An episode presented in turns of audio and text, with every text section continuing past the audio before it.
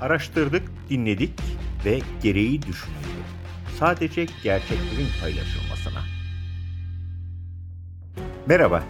Kısa Dalga ve Gereği Düşünüldü'den iyi bir gün diliyorum. Ben Ersan Atar. Tek gözü açık, tek gözü kapalı uyuyan hayvanların varlığını bilir misiniz?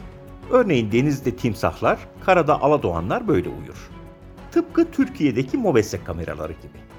Bir gözü açık, bir gözü kapalı. Sarıyer'de açık, Reyhanlı'da kapalı. İmamoğlu'na açık, IŞİD'e kapalı. Evet anladığınız üzere bugün Ekrem İmamoğlu ile İngiliz Büyükelçiliği gören Mobesi sisteminin neleri nasıl görmediğini konuşacağız. Mobesilerin Reyhanlı patlamasından önce nasıl bozulu verdiklerini, Ethem Sarısülüğün öldürülmesinde nasıl gözünü havaya kaydırıverdiğini, Taraf gazetesine kumpas belgeleri gelirken nasıl gözürlerini yumu verdiklerini konuşacağız. Mobesi sistemini ve görmediklerini yayın içinde daha fazlasını sayacağımız olaylar üzerinden bu olayların davalarını takip eden avukatlar Kazım Bayraktar, Deniz Özbilgin ve Sedat Çınar ile konuşacağız. O anlarda mobesiler kayıtta olsaydı neleri görecekti? Bunları konuşacağız. Yükümüz bir pazar günü için ağır. Başlayalım.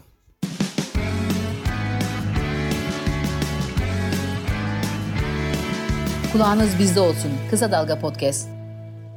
Z kuşağı bizlere göre elbette teknolojiye daha hakim ama onlar daha doğduğu yıllarda Türkiye'de bir şeyler oldu. Bizler 2007'de şöyle şeyler konuşmaya başladık. Bütün sokaklara kameralar yerleştirilecekmiş, bunlar bir merkezden izlenecekmiş. Anlayacağınız George Orwell'ın kemiklerini çok sızlattık. Attığımız her adım izlenecekmiş. Biri bizi gözetleyecekmiş. Öyle de oldu. Türkiye bu sistemle 2007'de tanıştı. Artık trafik cezaları ona göre kesiliyor, sokakta hırsızlık olduysa ilk akla bu sistem geliyordu. Bir taraftan da hala bitmeyen ve bitecek gibi görünmeyen özel hayatın gizliliği tartışmaları başladı. Sonra kamusal alan tanımları tekrar yapıldı. Bu sistemin adına MOBESE dendi. Yani Mobil Elektronik Sistem Entegrasyonu. Sistemin adı bile tartışıldı. MOBESE kısaltması yerine devlet zaman zaman telaffuzu zor da olsa kent güvenliğini yönetim sistemi demeyi denedi ama olmadı. Dil dönmüyordu. Bu isim tartışması renkli bir konu. Birazdan avukat Deniz Özbilgin anlatacak. Gün geldi çattı, Cumhurbaşkanı Recep Tayyip Erdoğan başta olmak üzere iktidarın hedefindeki İstanbul Büyükşehir Belediye Başkanı Ekrem İmamoğlu bu sisteme takılıverdi. İktidara ve elbette son günlerin en çok tartışılan sektörlerinden trollere göre İmamoğlu, İstanbul kar altındayken balıkçıda yemeğe gitmiş hatta orada kafa buluyordu. İşte tam da bu aşamada toplumun ve devletin güvenliği için oluşturulan MOBESE'den elde edilen görüntülerin ana akım medyaya ve sosyal medyaya servis edilmesi sistemin daha da tartışılmasına neden oldu. Bir süredir devam eden bu tartışmanın sebebini kısaca avukat Özbilgin'den dinleyelim. Sonra Mobese'nin görmediklerine geçelim. Avukat Özbilgin, Mobese adına ilişkin efsaneyi de anlatıyor. O zaman dinleyelim. Halk arasında mobese dediğimiz artık e, benim de kişisel olarak dilime yerleşmiş ve hep bu tabiri kullanıyorum. E, mekanizma bütünlüklü bir kayıt sistemini, bir gözlem mekanizmasını tarifliyor. Kameralar, kayıt mekanizmaları, onların arşivlenmesi bütünlüklü olarak mobese dense de 15 e, Temmuz sonrası biz KGYS, Kent Güvenliğini Yönetim Sistemi ismine döndük. Bunun da sebebi İstanbul Organize Suçlarla Mücadele ve Kaçakçılık Şube Müdürlüğü'nün eski müdürlerinden e, Adi Serdar Saçan'ın bir beyanı vardı. Diyordu ki Mobese zamanın işte cemaatçi polislerinden işte Mutlu, Osman, Basri, Ercan ve Şahbaz'ın baş harflerinden oluşan bir sistemdi. Bu sistemi FETÖ'cüler kurdu diye bir beyanından sonra Mobese ismini e, kamusal alanda kullanmayı bıraktı e, devlet ve KGYS ismine yöneldi. Şimdi nedir bu KGYS? KGYS bir kadrajdır, bir bakış açısıdır. İçine giren her şeyi kaydeder. E, bu anlamda şunu tartışacağız. Özel hayatın gizliliği anayasanın 20. maddesinde yazan veya e, e, kişisel veriler kavramı son dönemde çokça gündeme gelen kişisel verilerin korunması üzerinden düşündüğümüzde bizim yüzümüz, kimlik bilgilerimiz, E, bütün bunlar kişisel veri olduğu için elbette ki o kadraja girmesi ve bu hala ben MOBESE diyorum MOBESE'lerce kaydedilmesi bir kişisel veriler ihlali mi? Ya da bu ihlal dolayısıyla kişinin maddi manevi varlığının korunması hakkı bu anayasanın 5. ya da 17. maddelerinde yer aldığı haliyle bunların ihlali mi tartışması gündeme geliyor. E, bu kişisel verilerin e, ya da özel hayatın gizliliğinin ihlallerinde elbette karşımıza bir duvar çıkıyor. Aşamadığımız bir duvar var. Kamu güvenliği. Şimdi güvenlik devleti içerisinde yaşıyorsanız kamu güvenliği için her şey yapılabilir hale geliyor. Muazzam bir istisna kişisel hak ve özgürlükler ile kamunun güvenliği zaten bin yıllık bir çatışma, bin yıllık bir tartışma. Hani ona burada girmeyelim o bambaşka bir podcast konusudur ya da güvenlik devleti bambaşka bir podcast konusudur ama e, kamunun güvenliğini sağlamak için her türlü kaydı yaparım. Özel hayatın gizliliğini ihlal de ederim. Kişisel verilerini ihlal de edebilirim. Ee, burada sadece kayıtlar değil bu kayıtların ne şekilde kullanıldığı tabi gündeme gelecek ve ihlal tartışmalarını aslında biz burada yürüteceğiz. Ee, gerçekten de son dönemdeki MOBESE e, ihlali tartışmaları da tam olarak bu noktada. Yani siz bir şahsın herhangi bir kamuoyuna mal olmuş olabilir veya bir sokaktaki herhangi birimiz biz düz vatandaşlar olarak herhangi birimizin bu ihlale karşı nasıl korunacağı e, gündeme geliyor. Temel sorun da aslında burada. İhlal olduktan sonra ortaya çıkıyor. İşin ucunda avukat Deniz Özbilgi'nin cümlesiyle kamu güvenliğini sağlamak için her türlü kaydı yapan devletin görevlileri olunca MOBESE'ye bir haller oluyordu. Bozulu veriyordu, silini veriyordu, zaten çalışmıyor olu veriyordu.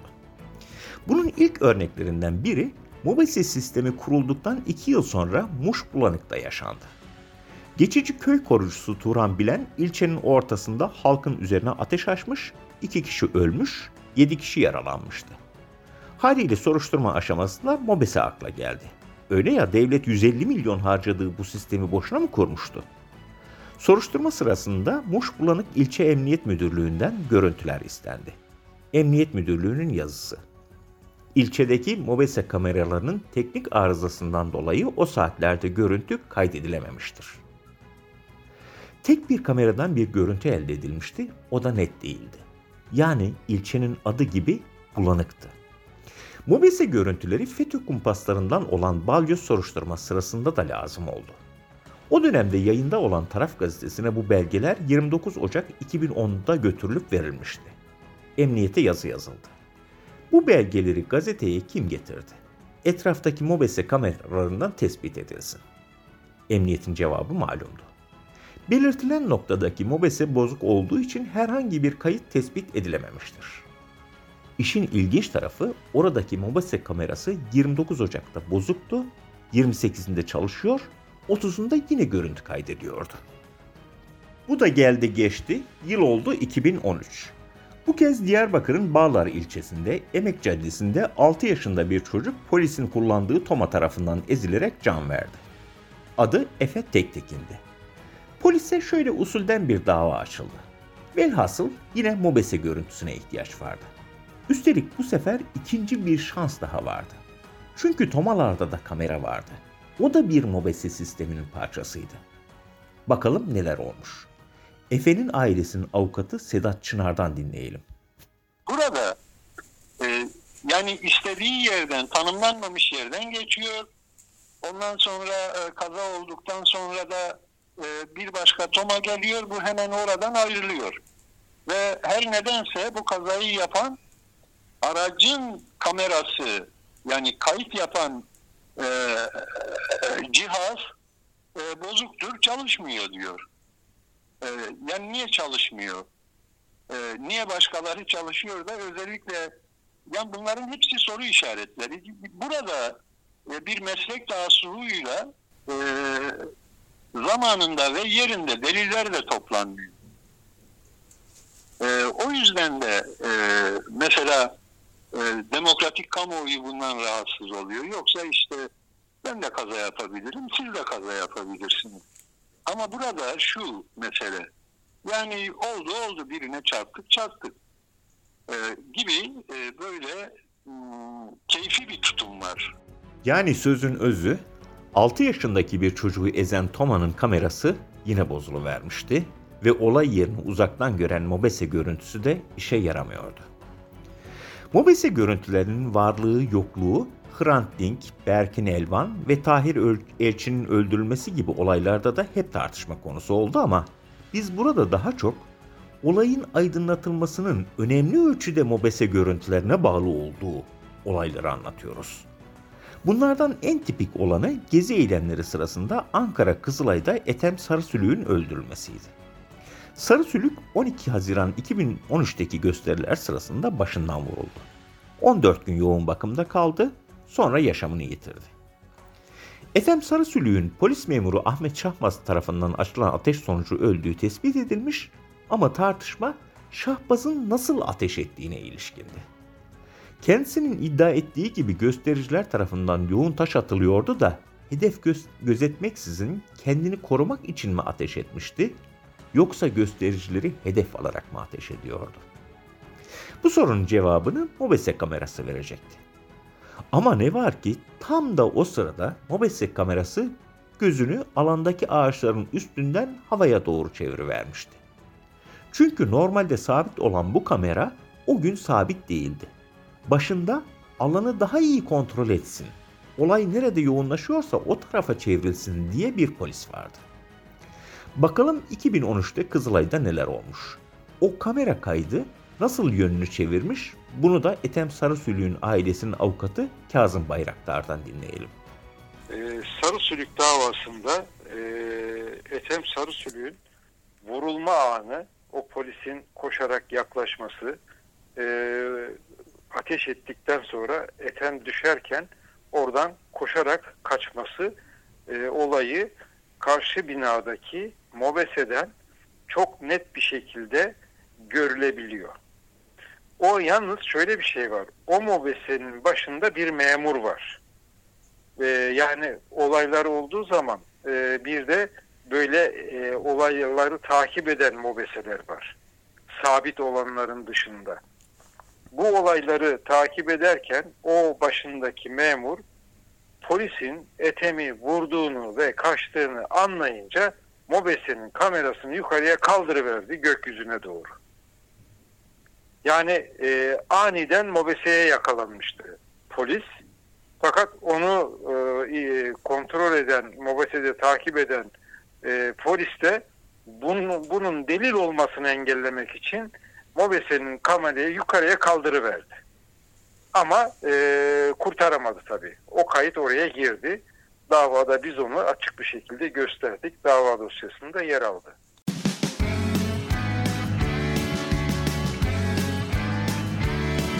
Kulağınız bizde olsun. Kısa Dalga Podcast. Avukat Bayraktar'ın sözüne ettiği görüntü, polis memuru Şahbaz'ın görüntüden çıktığı, daha doğrusu kameranın Şahbaz'dan uzaklaştığını gösteriyordu. Avukat Bayraktar bu durumu delil olarak gösterdiklerini ve Ahmet Şahbaz'ın Ethem Sarısülüğü vurduğunun olayı izleyen basın mensuplarının kamera kayıtları ile tespit edildiğinin altını çiziyor. Kazım Bayraktar gibi deneyimli bir avukatı bulmuşken polisin MOBESE sistemini istediği gibi yönlendirmesinin mümkün olup olmadığını da soruyoruz. Avukat Bayraktar ilginç şeyler anlatıyor. Biraz sonra biz daha da ilginç şeyler anlatacağız. Örneğin üniversite öğrencisi Dilan Dursun'un gaz kapsülüyle yaralandığı olaya ilişkin polislerin yargılandığı davada yok olan görüntüler, Dilan'ın gösterici olarak yargılandığı diğer davada nasıl var veriyordu? Onları anlatacağız. Ama dediğimiz gibi önce polisin Mobese oyunlarını Bayraktar'dan dinleyelim. E, Mobese kameraları e, yani toplumdaki hareketleri, olup biten şeyleri, e, suç varsa suçu tespit etmek amacıyla e, kurulmuş kameralar. İşte dediğim gibi e, hareketli olanları var, sabit olanları var. Bir de belli olaylar gelişmeye başladığında onu takip etmek üzere başına bir memurun dikildiği e, ve o mobeseyi de memur idare eder. Bu tür mobese e, kayıtları tutuluyor. Şimdi bunların e, kuşkusuz bir yönetmeliği var. O yönetmelikte ne deniyorsa işleyişin ona göre olması gerekir. Ancak Türkiye'de birçok davada tanık olduğumuz gibi yönetmeliği çiğneyerek belli bir delili karartmak için veya çarpıtmak için veya bir e, hakları olmadığı halde, halde belli kişileri ve araçları özel olarak e, takip etmek için MOBESE e, sistemiyle oynamalar oluyor. Buna birçok kez tanık olduk. E, yani MOBESE sadece burada değil aynı zamanda bazı iş yerlerinde, cezaevlerinde, karakollarda falan da var. Kamera olarak söylüyorum. Biz MOBESE olarak sokaklardakini biliyoruz ama genel olarak ka- kamera sistemlerinin kurulması açısından söylüyorum. Bunlarda e, kamu yöneticilerinin görevi e, olayları takip etmek, delilleri takip etmek, e, onun dışında toplumun ihtiyacı olan bazı şeyleri test etmek üzere MOBESE kameralarına bakarak e, mesela trafik güvenliğini e, takip etmek. Trafik güvenliği açısından trafiğin nasıl düzenlenmesi gerektiğine yönelik e, araştırmalar yapmak için de kullanılır. Ancak bizim ülkemizde kamera sistemleri ve özellikle MOBESE e, özel olarak e, delil karartmak, e, delili yok etmek için e, kullanılabiliyor.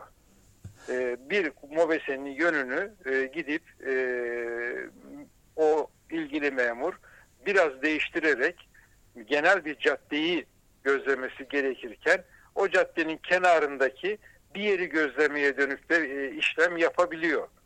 E, bu yönetmeliğin dışında bir şey tabii ki. Avukat Kazım Bayraktar'ı dinlemeye başlamadan önce bir olaydan bahsetmiştik. Üniversite öğrencisi Dilan Dursun, Ankara Kurtuluş'taki gezi eylemleri sırasında polisin attığı gaz kapsülüyle başından yaralandı.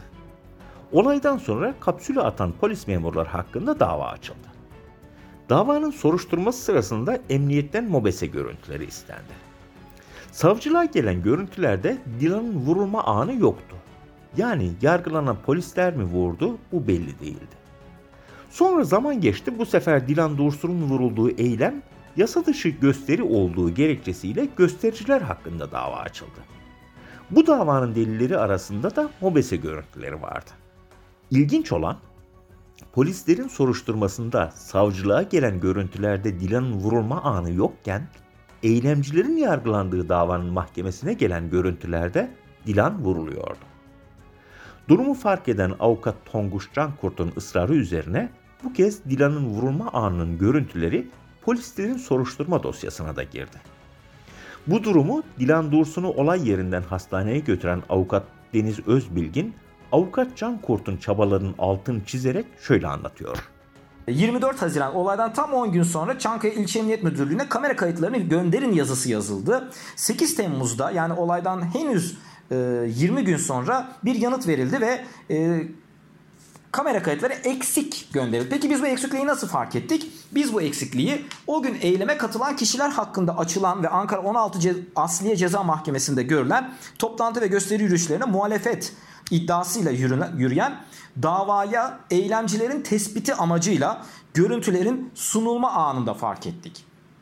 Yani e, soruşturma mercilerine emniyetin elimizde kamera kaydı yok diye 8 Temmuz'da verdiği yanıta rağmen o kamera kayıtları eylemcilerin tespiti için bir anda ortaya çıkıvermişti.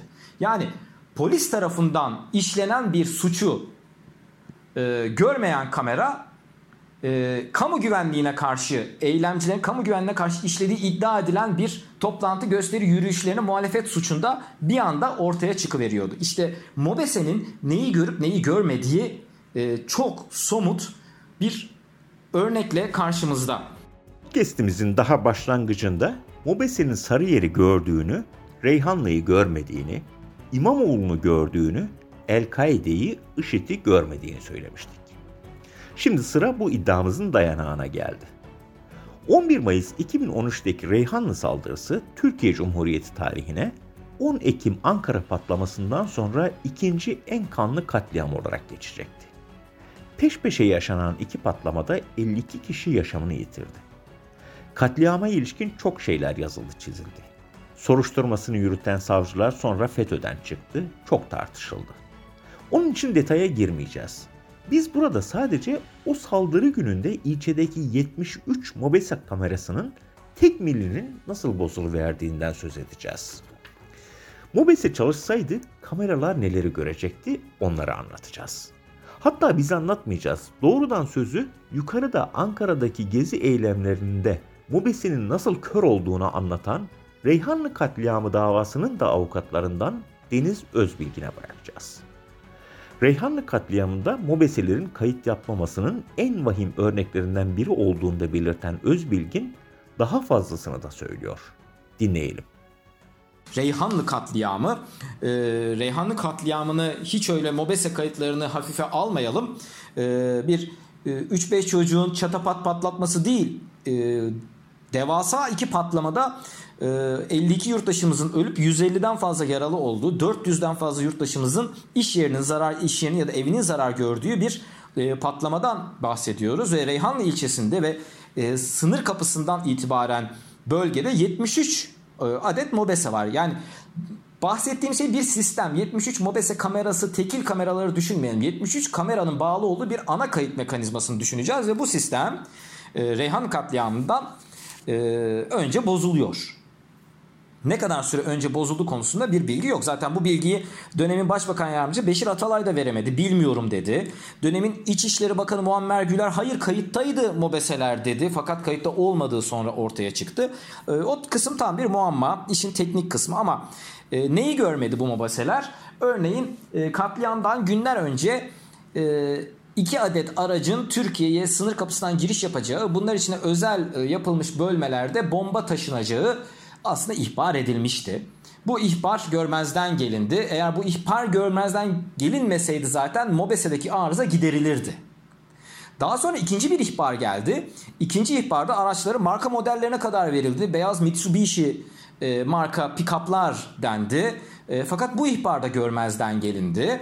E, işleme alınmadı. Mobeseler yine onarılmadı. Ve bu araçlardan birisi PTT'nin birisi de belediyenin önünde e, havaya uçurularak e, onlarca e, yurttaşımızın ölümüne sebebiyet verdiler. Şimdi peki biz bu ihbarları mesela nereden biliyoruz bu ihbarların yapıldığı? Bunlar Reyhanlı katliam iddianamesinde yoktu. Öncelikle onu söyleyelim. Katliam dosyasında bu bilgiler yok.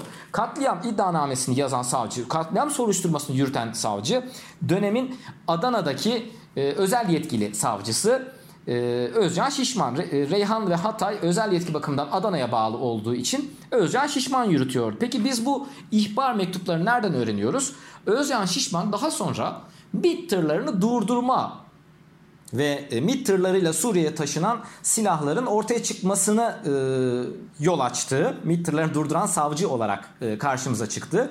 Ve kendisinin e, soruşturulduğu yani kendisinin şüpheli olduğu dosyada e, bu ihbarlar, Reyhan ihbarları bir anda karşımıza çıktı. Şimdi Mobese'nin neyi görüp görmediğini tartışırken aslında savcılıkların e, kamusal soruşturma mercilerinin de neleri görüp görmediklerine bakalım. Özcan Şişman kendisi bu ihbarları görmemişti Reyhanlı katliamında ama Özcan Şişman soruşturulurken bu sefer soruşturma mercileri Özcan Şişman'ın görmediği soruşturma belgelerini Özcan Şişman dosyasına koydu. E, Reyhanlı katliamı Ankara 9 Ağır'da görülüyordu. Ankara 9 Ağır'daki davanın e, içerisinde bu ihbarlar yok. Özcan Şişman dosyası Yargıtay 16 Ceza Dairesi'nde görülüyor. O dosyanın içerisinde var örneğin. Üstelik Yargıtay 16 Ceza Dairesi Ankara 9 Ağır Ceza Mahkemesi'ne bu belgeleri göndermekten de imtina etti. Şimdi bu bir şehirde kameraların çalışıp çalışmaması meselesi değil aslında. Bu bir kameraların nasıl çalışamaz hale getirildiği meselesidir. Ee, bu ihbarları işleme almayan polis memurları hakkında örneğin Hatay 7 Asliye Ceza Mahkemesi'nde ihmal suretiyle görevi kötüye kullanmaktan dava da açıldı. Ee, hemen bilgisini verelim. Ee, Türk Ceza Kanunu 257. maddenin ikinci fıkrası uyarınca ihmal suretiyle görevi kötüye kullanmanın cezası 3 ay ile 1 yıl arasıdır. Ee, üst sınırdan ceza verseniz 1 yıl verirsiniz. İhal indirimi yaparsanız 10 ay olur bunun cezası. Ve düşünün 52 insanın ölüp 150'den fazla yurttaşımızın yaralandığı bir e, katliamı ihmal sebebiyle kusuru bulunanları siz 10 ay gibi bir cezayla e, adeta ödüllendirmiş oluyorsunuz. İşte temel MOBESE neyi görür neyi görmez sorunu aslında burada başlıyor. İhbarları işleme alınmamasıyla MOBESE'lerin çalışmamasını bütünlüklü değerlendirirseniz o zaman e, bu katliamın arkasındaki kişilerin kimler olduğu, ne şekilde korundukları, ne şekilde organize oldukları bütün bu tartışmaların tamamını daha sağlıklı şekilde yürütebiliriz. Daha fazlasını sayabilirdik. Örneğin 2019'da Esenler'de HDP seçim aracına yapılan saldırının davasında MOBESE kayıtlarını nasıl yok oluverdiğini uzun uzun anlatabilirdik. TKP milletvekili Barış Atay'a yönelik saldırıda kameraların bozuk olmasından da uzunca söz edebilirdik. Bunun gibi çok sayıda örnek verebilirdik. Ancak sanırız yukarıdaki saydıklarımız yeterli olacaktır. Biz toplumun güvenliği için devreye giren MOBESE sisteminin toplum yerine devletin hatta iktidarların güvenliği için işlediklerini gördük. Bu haftalık sözümüz bu kadar. Bir sonraki pazar günü görüşmek üzere. Sağlıkla kalın. Kısa Dalga podcastleri Demet Bilge Erkasab'ın editörlüğünde Mehmet Özgür Candan'ın post prodüksiyonu ve Esra Baydemir'in hazırladığı görseller ile yayınlanıyor. Kısa Dalga'ya destek vermek için Patreon sayfamızı ziyaret edebilirsiniz.